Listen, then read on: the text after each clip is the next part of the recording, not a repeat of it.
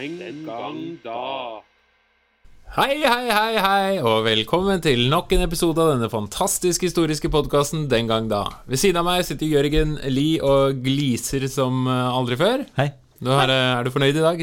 Du er fornøyd? Ja, så bra. Er du? Eh, ja, egentlig. Jeg gleder meg til å prate med dere Ja. nok en gang. Blir aldri lei. Så lenge siden sist. Eh, ja. Nei, men det er godt å Jeg syns det setter pris på disse stundene vi har sammen. Jeg er, jeg er her, jeg òg. Ja, og Hans, eh, Hans Du er her, du og du. Rosvold Hotvedt. Og mitt navn er Henning Mortensen. I dag skal vi snakke om historie. Ikke, altså historie som fag, og historiens nytte, og historiens verdi. Og hva er historie i den forstand? Fordi Grunnen til at vi skal snakke om det Og nå skal vi unngå å gå i en sånn politisk forsvarstale her, hvor vi skal forsvare oss selv og vår egen eksistens. Men eh, det var jo snakk om eh, en ny eh, Reform. i skoleverket, hvor historie som fellesfag skal revurderes. Ja, i, sammen med en del andre fellesfag. Ja, sammen med en del andre Og kunne fellesfag. jo- Og fellesfag er jo da ligger jo begrepet Altså et fag som alle må ta. Mm. Eh, Og da, ja, og da kan vi jo kanskje benytte sjansen til å gjøre oss litt aktuelle. Fordi det er jo tross alt dette her vi holder på med. Så hva er poenget med historie? Og hvorfor skal man bruke tid på det, og hva slags nytte har det? ja. Og det- det- for meg eh, personlig så er jo historie et slags eh, hjertebarn som, eh, som jeg liker å pleie, og som jeg, som jeg er interessert i, og som på en måte vokser etter hvert som man bruker tid på det, fordi man forstår sammenhenger etter hvert som man forstår mer. Jeg, ja, altså Jeg har vært historielærer i noen år. Vi har hatt podkast i noen år òg. Jeg merka faktisk Altså, de siste to åra så har jeg blitt betraktelig bedre på å forklare for elevene mine, eller reflektere med elevene mine om hvorfor man skal ha det faget her. Og jeg, jeg veit ikke helt hva som har skjedd de siste to åra, men noe Blitt voksen. Kanskje det er det. Er Liksom Nord for 30 år, det er et eller annet, men det er et eller annet da Kanskje etter at jeg fikk barn sjøl, at det er en eller annen sånn derre bevissthet rundt liksom det menneskelige aspektet ved historie da, som bare har blitt viktigere for meg. ja. Fordi jeg syns jo eh, at det er rart at folk ikke er interessert i historie, men man møter jo til stadighet folk som tenker at historie Puff, hva er det for noe? Eh, fordi det er jo litt som å si at du er uinteressert i alt som har skjedd, på en måte. Men, men det, er, det, er, det er det vi skal snakke om. For hva er sant, historie som fag? Er det bare kriger og politikk og de store tingene? Er det, Er det bare årstall? Hva er, så La oss begynne med det. Hva er historie? Ja, eh, historie er jo fortellinger, først og fremst. Og hvis man skal gå helt tilbake, så er det nettopp det det handler om. At man skal Ofte for å finne en slags felles bakgrunn. At hva har vi opplevd sammen, enten som gruppe, eller som nasjon, eller som eh, folkeslag. Så har man på en måte en Man skaper seg en, en, eh, en felles enighet om hva vi er, og hvor vi kommer fra. Og, og eh, her kan man jo gå langt til, langt til før historisk tid. altså Før man skrev ned ting, så hadde man jo historiefortelling der man satt. og man fortalte om, altså det var sånn, sånn historien ble overført muntlig gjennom generasjoner. Hvor, kommer vi fra? Hva heter vi, og hvorfor gjør vi det? Synes, altså, ja, det er jo en, en nærhet Nå var det tydelig. Det er god, god historiefortelling. Jeg har nettopp sagt at de siste to åra har jeg vært veldig god på å reflektere rundt hva historie er, så jeg glemmer jeg det nå. Nei, men altså eh, På norsk så har man to ord. Det er historie, og så er det det nynorske såge. Fortelling. Ja, Saga, saga. fra norrønt. Sa, ja, eller det saga er ikke et norrønt ord. Men ja, men ja, man har det. Uh, og så har man uh, uh, den, den delen av historien som handler om å fortelle en, his, en historie, for, skjønner du hva jeg mener? For på det moderne norsk så snakker man om en historie som fag, og så snakker man om det å fortelle historier. Og begge deler har hver sin funksjon, da. Men, men det er en blanding av det å, det å lage myter som samler oss, men det å også prøve å forklare noe som du er innom, ikke sant? Men det må, bare, la oss kjenne litt på det. Sånn som vi tre sitter her egentlig, eh, hver gang vi lager en episode, og så forteller vi historier. Ja. Eh, Både for oss sjøl og for andre. Eh, Og det er jo en glede i det, og man kan anta at mennesker alltid har gjort det. da Sitte rundt et bål, Ja. fortalt om forfedrene. Ja, og historie er jo altså første på en måte historie, altså er myter. Hvor, og det er jo det som gjør også historiefaget vanskelig nå, for hva er myte, hva er virkelighet? Ja, for det er ofte basert på kanskje ting, men det kan også være at solen hoppet ned fra mannen. ikke sant? Altså myter som hvor man prøver å forklare hvorfor ting er som det er. Guden eh, Ganges la seg ble en elv, liksom. Hvis, Ja. hvis vi skal gå litt tilbake da, til de gamle historikerne, så er en, en kar som heter Herodot, en gresk historiker, regnes ofte som historie, historiens altså fagets far, da, fordi han, han, eh, han virket og skrev eh, historie i det gamle Hellas, eh, og skrev om perserkrigene. Eh, altså krigen mellom eh, er, altså Hvis dere har sett eh, 300, så har dere sett uh, Serkses, altså den persiske kongen, og hvordan, uh, hvordan folkeslagene på Peloponneshalvøya samlet seg mot den persiske overmakten Uh, og lykkes. Um, og Herodot han ville skrive denne historien, levde under perserkrigene, og uh, skrev da en, eh, en av, det som regnes som en av de første historieverkene. Men, selv, men Herodot var på en måte en, en slags blanding av det du sier, Hans, at han var en en historieskriver, men også en som tok hensyn til myter og snakket mye om gudenes straff og Ja, men- hvorfor skjer dette. Se på diktverkene til Homer, da, Ja, som er enda, enda tidligere. Ja, det er jo noe av det samme. At man, det var ikke nødvendigvis et mål å skrive den objektive historien, men det var å skape det også, men også på en måte forklare ting. Da, og, eh, og Herodot gjorde begge deler. Selv om han var faktisk en av eh, han, han kunne også diskutere i historieverket sitt og på en måte kilder opp mot hverandre og vurdere hvem som var mest troverdig osv. Mm. Ja, det er jo, han er jo en av de første som gjør akkurat det, da, bruke kilder. Ja. Eh, og på en, på en type sånn kildekritisk eller historisk måte, da, altså, som du sier, historiefaglig måte. Og da, og, altså, Herodot døde i 425 før, før vår tidsregning, så det er på en måte for å si noe om når han levde. da Mens eh, den, den, den som kommer etter Herodot, som heter Tukkedyd, regnes kanskje som en, en videreføring av det Herodot starta. Altså han, han var en som var mye, i hvert fall med våre øyne, da, mye mer objektiv. Og eh, snakker om eh, Bl.a. om eh, første- og andrehåndsberetning. Det har man allerede i Tukkedyd. Altså han, stoler, han stoler mer på altså en førstehåndsberetning, altså en som var der, et øyenvitne. Mm. han stoler mer på den enn om man forteller historien videre til en annen. Da blir det på en måte det som ofte er svakheten, at det blir en slags viskeleken. ikke sant? At historien blir litt annerledes når du forteller den til en annen som skal gjenfortelle historien. Og her er vel et, eh, et viktig erkjennelsespunkt eh, når det gjelder historiefaget. Fordi historie, og dette her er også noe av det som gjør det viktig og spennende, syns jeg, da, at historie er ikke det samme som fortid, men det er en fortelling av fortiden. Ja. En fortelling om fortiden. Og en fortelling preges nødvendigvis av både hvem den blir fortalt av, og til hvem den er fortalt. Men det, der er jo, sant, Vi snakker om det kommer inn i historisk tid, når man begynner å få skrevet ned ting. Som, som er jo fordi Det er jo også en svakhet som du sier det blir det, det, aller meste som har blitt skjedd i verden noensinne, har jo bare blitt fortalt videre. Hør hva Ja. som skjedde med meg, eller hør hva som skjedde, egentlig skjedde. Hvor man forteller, så er det noen som har satt seg ned og skrevet ned. Sant? Men, men det å fortelle er, Historie er jo også en form for underholdning og en form for eh, viderefortelling. Ja. Uh, vi var jo inne på skallene der, ikke sant? Hvordan vi de også var jo eksperter på å fortelle om ting som hadde skjedd. For én var å hylle den eh, eventuelle fyrsten eller den den var under, og, og, og hadde ekstremt Og det er jo en enorm ressurs for oss i dag. For det var jo sant, I vikingtiden hvor man ikke var så flinke til å skrive ned ting, så måtte man jo fortelle. Og Heldigvis så var de jo alt dette i strenge regler, og de hadde mye sånne en struktur på det som gjorde at det kunne også kunne bli gjenfortalt. Ja. Og, og folk satt og hørte på en, eh, et kvad da, eh, fra en skald, og, og memoriserte det og fortalte det videre. Så det levde helt opp til noen da klarte å skrive det ned. Ja. Og, og mye av nøkkelen ligger jo nettopp det i formen. Da. At man klarer å at man klarer å fortelle det på en sånn måte at det kan huskes. Og det, vår, vår på en måte, nasjonale sagalitteratur bærer jo preg av det. At det er en Ja, ja. Et veldig, veldig klassisk måte å skrive på som gjør at det blir nesten som en eh, Altså det blir dikterisk, da. At man, det, det, det forteller jo litt også om faget, altså om historie. Altså Én ting er liksom rent interesse og underholdning, men også viktigheten og opplevd viktighet av å fortelle det videre. Ja. Selv når man ikke klarte å skrive det ned. Så, altså Man memoriserte lange, ikke sant? lange strofer og man for nettopp å fortelle videre. Det var en verdi i å fortelle noe videre.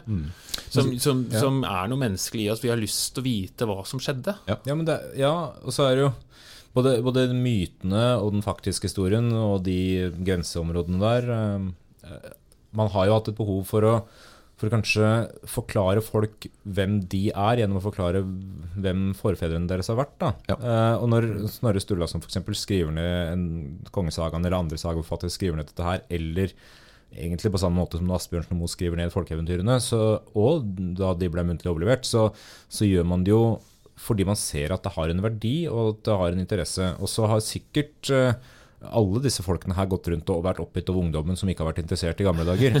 Men, men ungdommen har blitt eldre og funnet ut at det er litt interessant likevel. Fordi de har innsett en del ting i løpet av livet. F.eks. det at hvis jeg ikke kjenner eh, fortiden til eh, det området jeg kommer fra, eller folka mine, eller familien min, så kjenner jeg egentlig ikke meg selv heller. Nei. Og de aller færreste vil, vil godta å, ikke huske sin egen historie. Altså, det er veldig få som tenker at ok, jeg husker ikke hva jeg gjorde i forfjor året før det, men det er greit. De fleste liker å vite hva man har drevet med, fordi det har vært med på å forme deg. Og på samme måte så har jo samfunnene våre forma dem vi er, da. I tillegg til at det er en visshet, kanskje det er derfor jeg har blitt bedre på dette, for jeg har tenkt mer på mennesket oppi historien. Altså, alle verdens historier er jo bare en sum av individenes historier.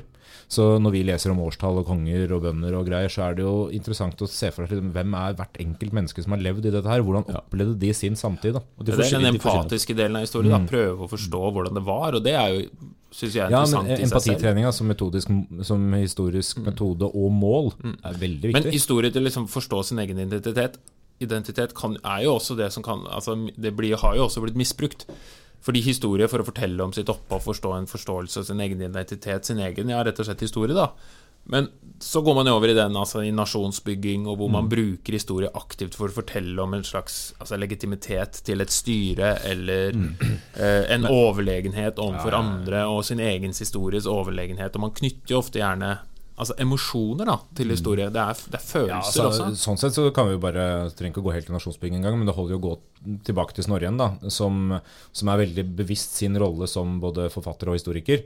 Men hvor mye kan vi stole på Snorre når vi eh, leser kongesagaen hans? Um, du har eh, to teorier, en bokprosateori og det som kalles friprosateori, og hver av dem handler, altså, hver seg handler om, om at, de, om at eh, forfatteren enten har eh, har eh, prøvd å skrive ned så nøyaktig som mulig det han visste, men det har vært feilskjær for dette her har vært muntlig overlevert. Det motsatte er at han har skrevet det ned, men tatt seg kunstneriske friheter i vissheten om at han også var skjønnlitterær forfatter. Ja, og det, det, uh, uansett så, så krever det litt av leseren, fordi det er skrevet ned f.eks. noen hundre år etter hendelsene, Uh, i tillegg til at det er skrevet ned uh, under en kristen, eh, i en kristen periode, men handler om eh, hedninger, eh, noe som innebærer at eh, hedningene får, eh, trekker alltid det korteste strået i de fortellingene, eh, og de kristne får goodwillen på sin side. Dette her, eh, dette her er jo helt vanlig retorisk historieskriving, som det heter, altså man skriver for å oppnå noe. Eh, Men her, her møter man jo ofte de to idealene da, i hva historie skal være. Om det skal være en riktig objektiv fremstilling av fortiden, eller om det skal være en god historie. Og Det er ikke alltid de to tingene lar seg kombinere. Se på Thor her, da. Ja, ikke sant? Men vi, vi kan jo gå helt tilbake til Plato nå og se på, en måte at historiefaget skulle ha en funksjon. For han mente jo at historiene til Homer var håpløse fordi de viste at um, de som deltok i dem, uh, var redde. Og hvis uh, folk leste heltehistorier om redde helter, så ble de selv redde. Så for Platon så var det viktig å, å gi måte, i idealstaten menneskene moraliserende historieskriving. Altså historier som skulle gjøre at mennesker ble bedre mennesker. Det var ikke viktig at historien var riktig, det var viktig at de leste riktige historier. Og, og, Ja. og det mente Platon i antikken, og da er, måte, da er man jo over på et ideal som ikke handler om at man skal fremstille sannheten, men at, bare, at historien skal ha en funksjon. Og Det her handler vel også om at funksjonen fra et sånt menneskelig perspektiv også kan, kan ha hatt en sånn katarsisfunksjon. Altså du, du skal rense den som leser eh, gjennom det som står der. Ja. Du skal lese om en helts vandring gjennom en eller annen, en eller annen eh, tilstand. Og så når helten kommer fram til en opplysning, så skal det også gjelde for mottakeren. da. Og Dette er det samme som du ser i greske tragedier. Men uansett hva Platon syntes, så kan man jo se hvor viktig f.eks. Iliaden og Odysseen har hatt for den greske kulturen, både i antikken og også i dag. Fordi grekerne har brukt dette her for å samle seg som nasjonalt fellesskap i modernere tid. Da, fordi det var jo ikke det nasjonalt- gresk? Ja, for det var jo ikke et konsept egentlig før på 1800-tallet, ikke sant? når de samler seg. Eh, Det var jo veldig, altså, og veldig påfallende i Norge òg. Ja, ja, nasjonsbygging og finne ut hva er det norske å konstruere Altså bunad som konstruksjon. da Mm. Skape en folkedrakt basert på gamle tradisjoner for å skape en identitet. Bruke ja. historien. Og i, på 1800-tallet altså, Apropos når vi, det, det historiefagets verdi i Norge. Det å, å leve i Norge i dag og ikke vite hvor konstruert vår kulturelle identitet er, Nei. det er ganske hårreisende. fordi, Og det, det tror jeg dessverre, til tross for at historiefaget er et obligatorisk fag på skolen, så tror jeg nok de fleste klarer å gå gjennom eh, Hvor mange år har man gått på skolen? 13 års skolegang. Uten å helt vite hvor konstruert 1800-tallet Altså nasjonalromantikken og nasjonsbyggingen egentlig er. da. Det, det, det er jo litt det også kanskje svakheten med eh, historiefaget i skolen, er at det, altså, historie som fag, da, som har som formål å prøve å finne ut hva som har skjedd, og, og historie som vitenskap, gå til kildene og prøve å finne dette så nærme som en slags objektiv forståelse av hva som faktisk skjedde. Og vite at mye Altså det aller meste som har skjedd, vet vi ikke noe om. Eh? Det aller meste av historien er forsvunnet. Men allikevel prøve å konstruere en forståelse av fortiden. At det ikke bare er ting som har skjedd, som vi veit om. Ja. det, det blir jo presentert ofte sånn jo, historie. og da kan jeg skjønne at det, altså, no, Noe av det som var bakgrunnen til eh, denne reformen eh, som regjeringa presenterte, er jo også det at en, mange elever rapporterer at de, de ikke opplever at det de lærer, har en nytteverdi. Nytteverdi, ja, Eh, og det, det kan jeg forstå, men så kommer det an på hva du mener med nytteverdi. Hvis alt skal ha nytteverdi for det yrket du skal velge, så blir det ganske begrensa kunnskapsmangfold hos det individet. Eh, du skal leve et større liv enn bare jobben din, eh, og du skal også snakke med veldig mange mennesker i et samfunn. Ja. for, for å ta bare historie som, og vektlegge det litt, da, så handler det om at et samfunn uten en felles referanseramme rundt egen fortid og nåtid osv. ikke kommuniserer spesielt godt, og det er kimen til mye konflikt. Det ser vi, altså, det som er, Du kan si mye negativt om nasjonalisme, men noe av fordelen med å bygge nasjonale fellesskap fra 1800-tallet og framover, er at du får samla et folk som klarer å snakke sammen og ikke ha intern konflikt. Mm. Så blir det selvfølgelig potensial for konflikt mellom disse nasjonene, da, eh, fordi de snakker forskjellig språk igjen. Men så ser vi den europeiske integrasjonen. Felles språk om felles fortid og verdier. Dette er kjempeviktig for å, for å klare å i det hele tatt kommunisere. Det er en balanse mellom orden og kaos. Ja, for du, jeg, jeg tror- du kan ha et veldig fint liv uten å vite at det har vært eh, både én og to verdenskriger. Eh, og, du, og ikke ha noe peiling hva altså, Kalde krigen var det da det var så innmari kaldt, liksom. Altså, man kan helt fint komme gjennom livet uten å kunne egentlig noe som helst om historie. Men problemet er hvis ingen eller veldig få kan noe om historie. Hvis de fleste ikke kan noe om historie, da begynner vi å få et problem. Det gjør ikke at noen det gjør ikke, Ja, jeg er enig i det. Det gjør ikke, at, gjør ikke noe at noen slipper gjennom det nåløyet, liksom. Eller Nei. hva du skal kalle det. Men eh, det er verre hvis eh, ja. Hvis man blir et historieløst samfunn, da. og, om ikke annet, altså det er, mange, det er mange konkrete funksjoner historiefaget kan ha, og én ting er jo å forstå hvor godt vi har det. Ja. Altså, Hvis man skal sammenligne det norske samfunnet da. At mennesket aldri har hatt det bedre enn det har det nå, ja. Al altså Mennesker i verdenshistorien har aldri hatt det bedre enn det nordmenn har det i dag. Nei, bare det å ligge Altså- på en madrass har jo tidligere vært forbeholdt ytterst få. Ja, ja, bare, bare, altså, Som art har vi jo klart oss bemerkelsesverdig godt, fordi vi er mange av oss. Og det er jo definisjonen på en art som har gjort det bra. Men det å overleve er ikke samme som å ha et godt Nei, liv. og- ja, ja, ja, og, og, og i, i, i det norske samfunnet i dag så, så må man Man har en plikt, syns jeg, da, til å forstå hvor godt man har det, og sette det i perspektiv med fortiden, og, og bruke det til noe. Altså konstruere en, en, en bedre hverdag for, for andre ved at man selv vet Ok, hvordan har vi oppnådd dette? Hva- Hva i historien til nordmennene Vi har hatt mye flaks, men man har kanskje gjort noe riktig òg, som gjør at man har et samfunn som hvor, hvor det er relativt sett da, stor likhet. Hvordan har man skapt et sånt samfunn? Hvis man kan lære nå hvordan man har skapt det, så kan det også spres. Ja, fordi Det er jo liksom neste altså historiens funksjon, nettopp det å lære av historien, unngå historiens tabber osv. Eh, er, det, Er det mulig? er det mulig? Ja? Altså, Innenfor noen områder er det jo økonomihistorie, f.eks. Er det mulig å si noe om altså, hvorfor skjedde det et krakk? Og nå skjedde, har det fortsatt skjedd flere krakk, og det har vært finanskrise i 2008. og Man, Vi lærer jo litt, da, men ikke alt. man lærer litt, men du nevnte noe om det her i stad. Ja, jeg, jeg, ja, jeg, jeg, Kan man lære noe av historien? Ja, det er litt interessant, for det er et tvega sverd her. For Det ser ut til at vi kan lære noe, men, men samtidig så er det så jækla komplekst at, eh, at de gangene man har prøvd å lære det veldig direkte, så har man stort sett bomma. Hvis du ser på uh, første verdenskrig, uh, første moderne krig Man uh, går rett inn i en konflikt og er veldig stressa på at her må vi angripe før vi blir angrepet. ikke sant?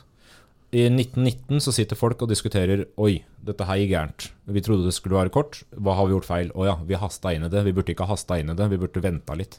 Andre verdenskrig, da venter man litt. Fordi man ikke vil haste inn i en krig. Etter andre verdenskrig så spør man seg hva gjorde vi gærent? Jo, og dette her er jo dommen over andre verdenskrig. Det er jo man venta for lenge med å, med å stoppe Hitler.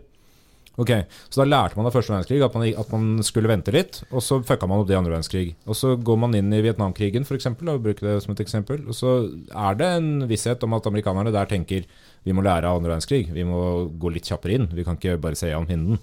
Eh, men så går ikke det bra heller. Så hva i all verden er det man skal gjøre, da? Men én ting er sikkert, selv om det er vanskelig å lære av historien, så hjelper det ingenting å ikke vite noe om den.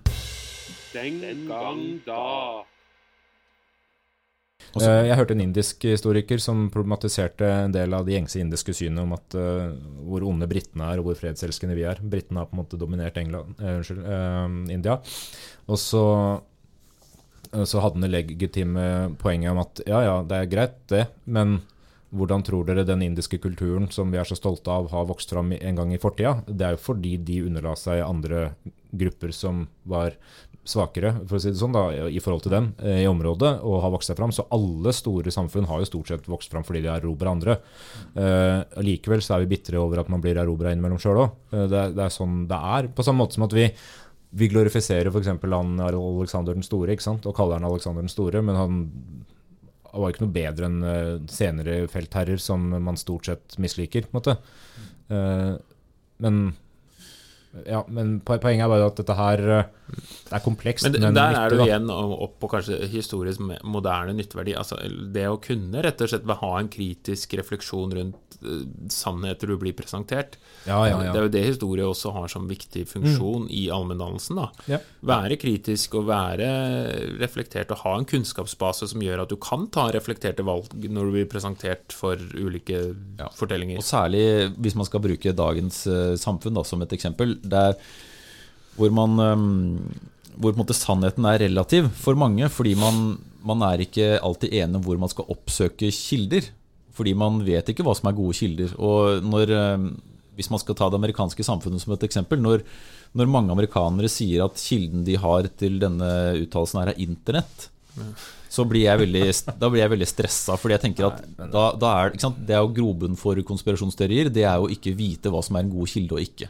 Og, og man så resultatet av det i, i skal jeg si, den siste og nesten despotiske perioden til Donald Trump, som nesten førte til at demokratiet faktisk uh, forvitra. Og, og det var ikke mange amerikanere som kom til å gjette det et halvår før. Altså liksom hvor, nær- hvor sterkt er demokratiet? Og så klarer man gjennom historieforfalskning rett og slett å fortelle en historie som sier at Donald Trump vant valget når det ikke stemmer. Fordi man har ikke andre kilder til å Man forstår ikke kildene. Man har ikke evner eller kunnskap nok om hva som er riktig eller galt. Men her, dette her er du bedre på enn meg, Jørgen, men det er vel en viss nærhetsrelasjon mellom konspirasjonsteorier og, og nyreligiøsitet?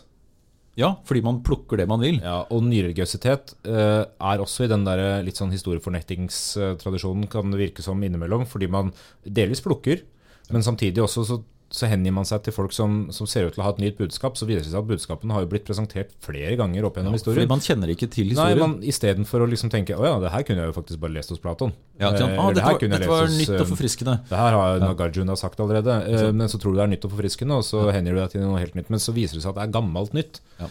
Eh, og man kunne unngått ganske mange keitete veier og feilskjær hvis man hadde hatt litt peil. Da.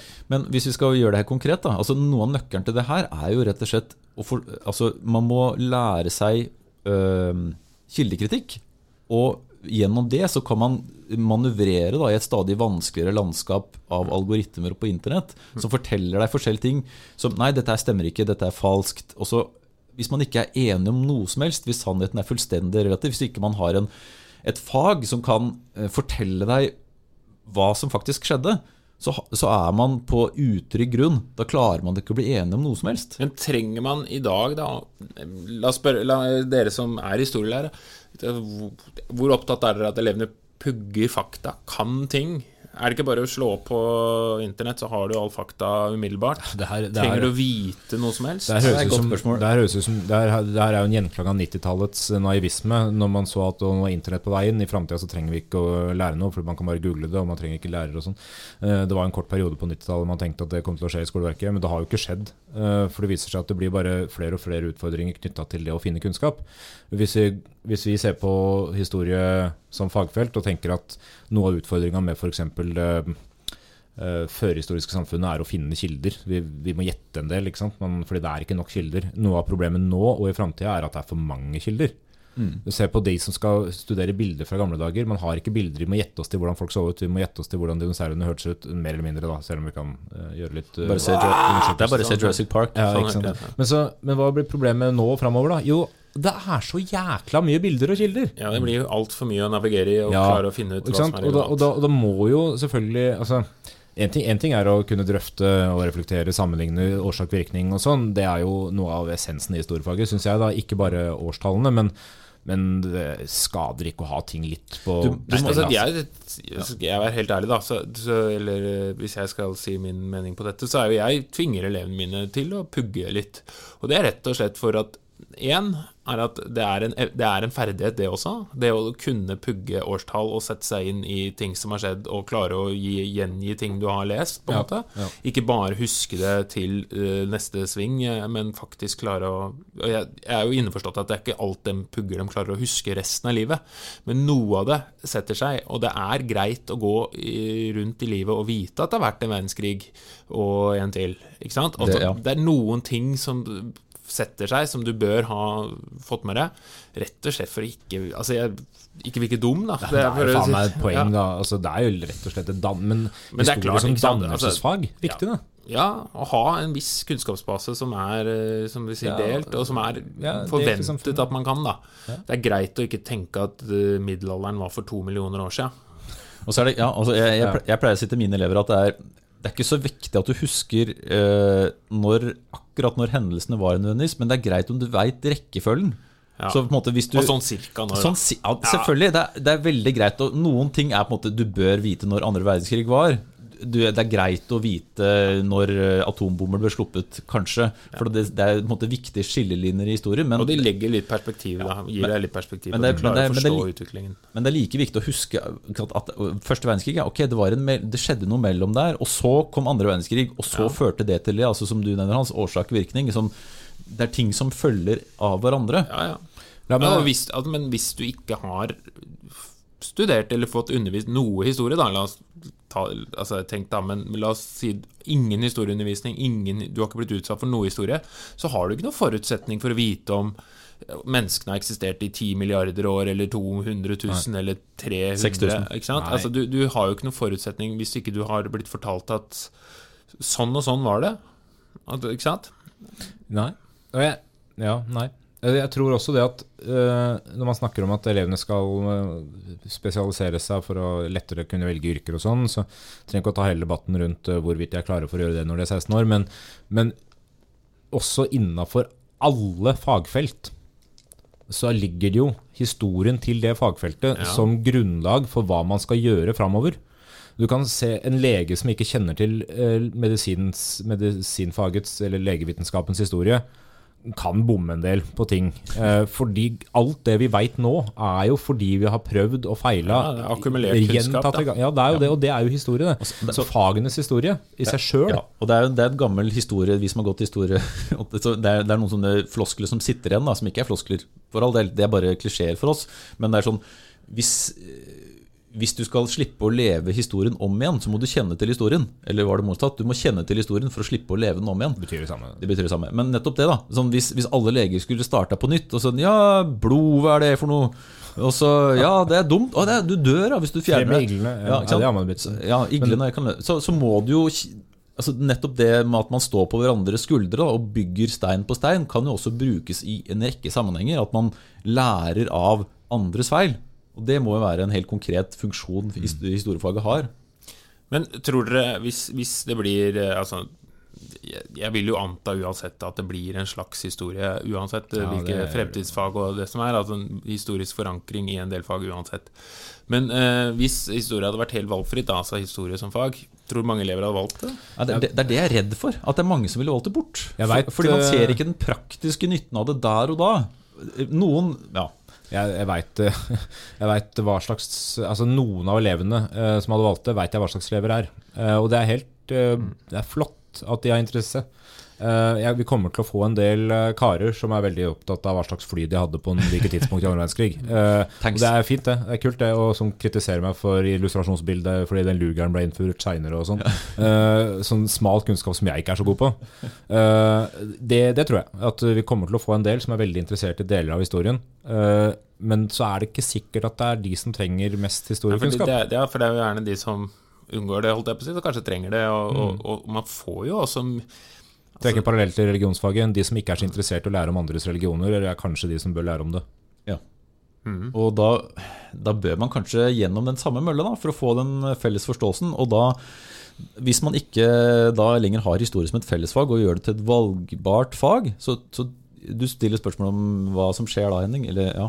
Jeg er redd for at det er mange som kommer til å velge det bort. da, Fordi de ikke ser den konkrete nytteverdien der. Og jeg, jeg tror altså Jeg tenker at kritikken eh, som kommer også altså fra eh, elevene selv, da, som har vært eh, gjenstand for undersøkelsen, er at de ikke ser verdien. At den kritikken retta mot lærere og skoleverk er legitim. altså Man må være bedre kanskje på, på å jobbe med hvorfor man skal jobbe med dette her. Eh, la det være en bevissthet rundt det. Um, fordi det er en kjensgjerning at mange ungdom kanskje ikke er historieinteressert, men at det faktisk er noe som utvikler seg etter hvert. da. Og hvorfor begynner man å bli historieinteressert etter hvert? Det jeg, jeg, La meg gjette på en ting. Hvis man snakker nå til elever og foreldre der ute, eh, så kan vi se for oss en situasjon der eh, du har foreldre som kanskje ikke var så interessert i historie på skolen. Uh, og så får de barn som begynner å ta, skal lære historie, og så kommer barna hjem og skal ha om historie. Og så begynner foreldra plutselig å bli interessert i deler av den historien som barna lærer om. Fordi det viser seg at barna f.eks. lærer om den historien som foreldra sjøl husker fra sin levetid. Ikke sant? Sånn som at mine foreldre Eh, husker den kalde krigen bedre enn jeg gjør. ikke sant? Og sånn sett hadde andre perspektiver på den enn det jeg lærte på skolen f.eks. Ja. Men hva er det som da har skjedd? Jo, man har funnet ut at historie er strengt tatt ikke bare bilder av fortida, det er også bilder av ens egen nåtid. På et eller annet vis, ikke sant? Og da, og da blir det jo noe dypt menneskelig med historien. Det blir noe psykologisk med det. Det blir, noe, det, det blir historier om deg sjøl og din familie og din utvida familie og alt mulig. Og, og når du begynner å få inn det, da, og så skjønner du også at Eh, min historie og min families historie er jo en del av en veldig mye større historie, og alle historiske hendelser er på en måte satt sammen av mange individers opplevelser av historien. Og å få inn den, det tror jeg kan være litt fiffig. Kan jeg komme med en annen betraktning om uh, konkret nytteverdi? Vi, vi, som sitter her og lager podkast nå, vi er jo en del av en uh, pandemi. Vi, altså, vi sitter her i en koronapandemi. Og la oss nå si at dagens ungdom, da, som opplever denne hardt og, og, lider på en måte at de blir fratatt en del av ungdomstida si, de vil jo huske dette her. Og det kan man kanskje bruke på samme måte. Hans, når de er mm. voksne og får barn, og så forteller de, og så skal barnet deres lære om koronapandemi. Hvorfor, hvorfor, skal vi lære om det? Vi, vi, har ikke pandemi nå. Og så kan foreldrene tenke at jo, men det husker jeg. Hva, hva slags effekt skapte det hos meg? Og pandemier er jo heller ikke noe nytt. Og så ordet karantene. Altså Bare det å, å, være i karantene det er ikke noe man har funnet på nå. Karantene er den mest effektive måten å hindre spredning av sykdom. Og dette har man visst i hundrevis av år. Ordet kohort. Ikke sant? Del av historien. Fordi man rett og slett har lært det gjennom å ha opplevd det. Og hvis man da skal Altså Forvaltningen av den kunnskapen er jo nettopp det vi ser nå. At man klarer å relativt sett å holde kontroll på noe som er veldig vanskelig og komplekst. Altså et virus man ikke ser, og som sprer seg lett. Fordi man vet at hvis man holder avstand, så sprer det seg mindre. Mm. Og det, det, er jo bare noe man har gjennomlevd og opplevd smertelig en rekke ganger gjennom historien. Men det er jo på samme måte som når man som mange i dag kritiserer en del av liksom de sosiale strukturene eller hierarki og alt mulig sånt, og så kritiserer man det jo med en sånn helt fabelaktig historieløshet, som at liksom dette ikke har vært en nødvendig greie for å drive menneskeheten framover. Som at liksom alt vi har rundt oss i dag, er bare konstruert for at vi skal undertrykke hverandre i dag. Men det er jo det som har forma historien. Og det har kanskje vært en helt nødvendig eh, hendelsesforløp for å få det til å fungere på best mulig måte. Da. Jeg tror vi lever i en så privilegert verden i dag der vi har muligheten til å bryte ut og finne oss sjøl og alt mulig, at man glemmer hvor, hvor viktig de, de samfunnsmessige samarbeidet har vært opp gjennom tida. Mellom både kjønnene, mellom grupper i samfunnet og alt mulig i det hele tatt. Eh, både fra, altså fra jeger- og sankersamfunn og fremover, da, eh, at, vi, at vi, er, nødt til å kunne litt mer om det, tror jeg, enn det vi allerede gjør for å, for å kunne godta litt mer av, eh, av, det samfunnet vi har i dag. Hvis dere ikke har eh, lest 'Sapiens' av Harari, så bør dere slå opp inn. Uh, den sier noe om uh, hva skal de, de store Jo, den er innom det her, ja. ja. ja det er klart. Den, den sier noe om måte, hva, hva, bakgrunnen for fellesskapet vårt er, mm. som art. Mm. Men også liksom, hvordan historien binder oss sammen gjennom myter, og at det er ja. viktig for å, tar, for, å, for, å, for å, bli enige om noe. Å, for å, klare å samarbeide så må man lage seg myter, og det er hele noe av nøkkelen til menneskehetens suksess. At man er enige om at dette skal vi kjempe for. Og det trenger ikke være noe konkret, det kan være helt abstrakte størrelser, som nasjonen eller staten eller demokratiet. Eller, verden, det kan godt være globalt, eh, og det kan være familien. Det er, som jeg sa i stad, eh, alt som binder oss sammen, hindrer at vi har konflikt, og historien binder oss sammen. Mm. Så historiefaget kommer for å bli. Ja, Det håper jeg. jeg håper det. Ja, det, det har det. Eh, det har det. Eh, I hvilken form, det er jeg usikker på, men jeg, jeg håper da inderlig det vedvarer. Eh. Men vi vet jo ikke ennå, da. Vi får jo se. Og, og jeg tror nok uansett så er det nok ingen som kommer til å si at man ikke skal lære noe om fortiden. For det er vel få som eh, ikke ser nytteverdien av det. Kanskje på et personlig plan er det noen som ikke tenker at det er helt unyttig for meg, men eh, som, en, som et felles prosjekt så tror jeg i hvert fall alle politikere er enige om det. Så Jeg tror de som eh, tenker at historie ikke er viktig for dem, kommer til å endre mening også jo eldre de blir. For å være helt ærlig. Jeg tror det er veldig få som går gjennom hele livet uten å, se, eh, uten å finne litt glede eller se litt nytteverdi i historien. i hvert fall ingen av de som hører på oss. Eh, fordi da vil jeg det, Nei, da er du spesiell. Ja, da vil jeg anta at man har hørt på en annen eh, podkast. Med mindre de begynte med denne episoden her for å finne ut Kanskje jeg endelig skal lære hvorfor jeg, ikke, hvorfor jeg burde lytte til historie. Ja. Men da er jo det kanskje, Kanskje jeg har lært noe. siste ord. At uh, lær litt om historie, det er ganske gøy. Uh, mye interessant som har skjedd. Begynn med familien din. Spør mamma og pappa. Ja. Ja, ja, men bare, bare tenk på det. Hvor glad er ikke barn i å høre fortellinger fra foreldras eh, barndom? Ikke mine. Er det ikke det? Nei. Er det fordi de er kjedelige? Eller var det trist? Ja, bare, bare Mario. Bare Mario. Ok, ja. plattform. Barndom. Eh, For jeg, eh, jeg husker faren min og mora mi fortalte meg historier fra det de var små. Den, den formuleringa husker jeg fra oppveksten. Kan du fortelle fra da du var liten? Og det hender jeg prøver å fortelle historier for, barna, for dattera mi. Barna mine. Men det, ja, det, er, det, er en fast, mi det. det er et fast ritual for min eldste datter Ingrid. Hun spør alltid Det er en sånn innarbeidet ritual. Hvor gammel var du? Mm. Og det betyr Kan du fortelle en historie fra et tidspunkt i livet ditt? Og det er alt fra jeg var tre til jeg var i går.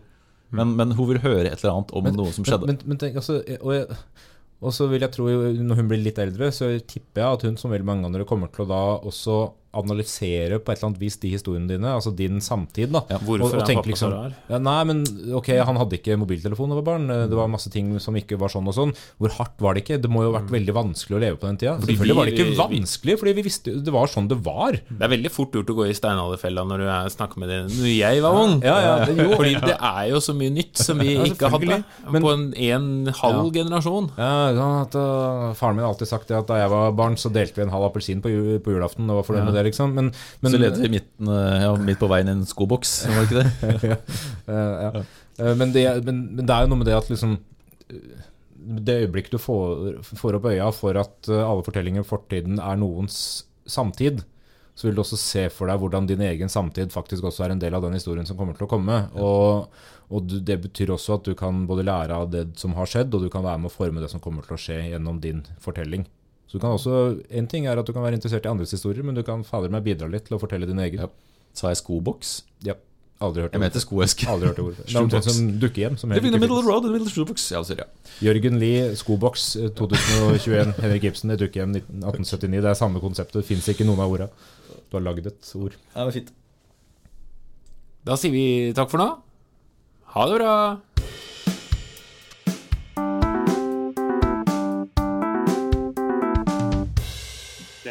Den gang da.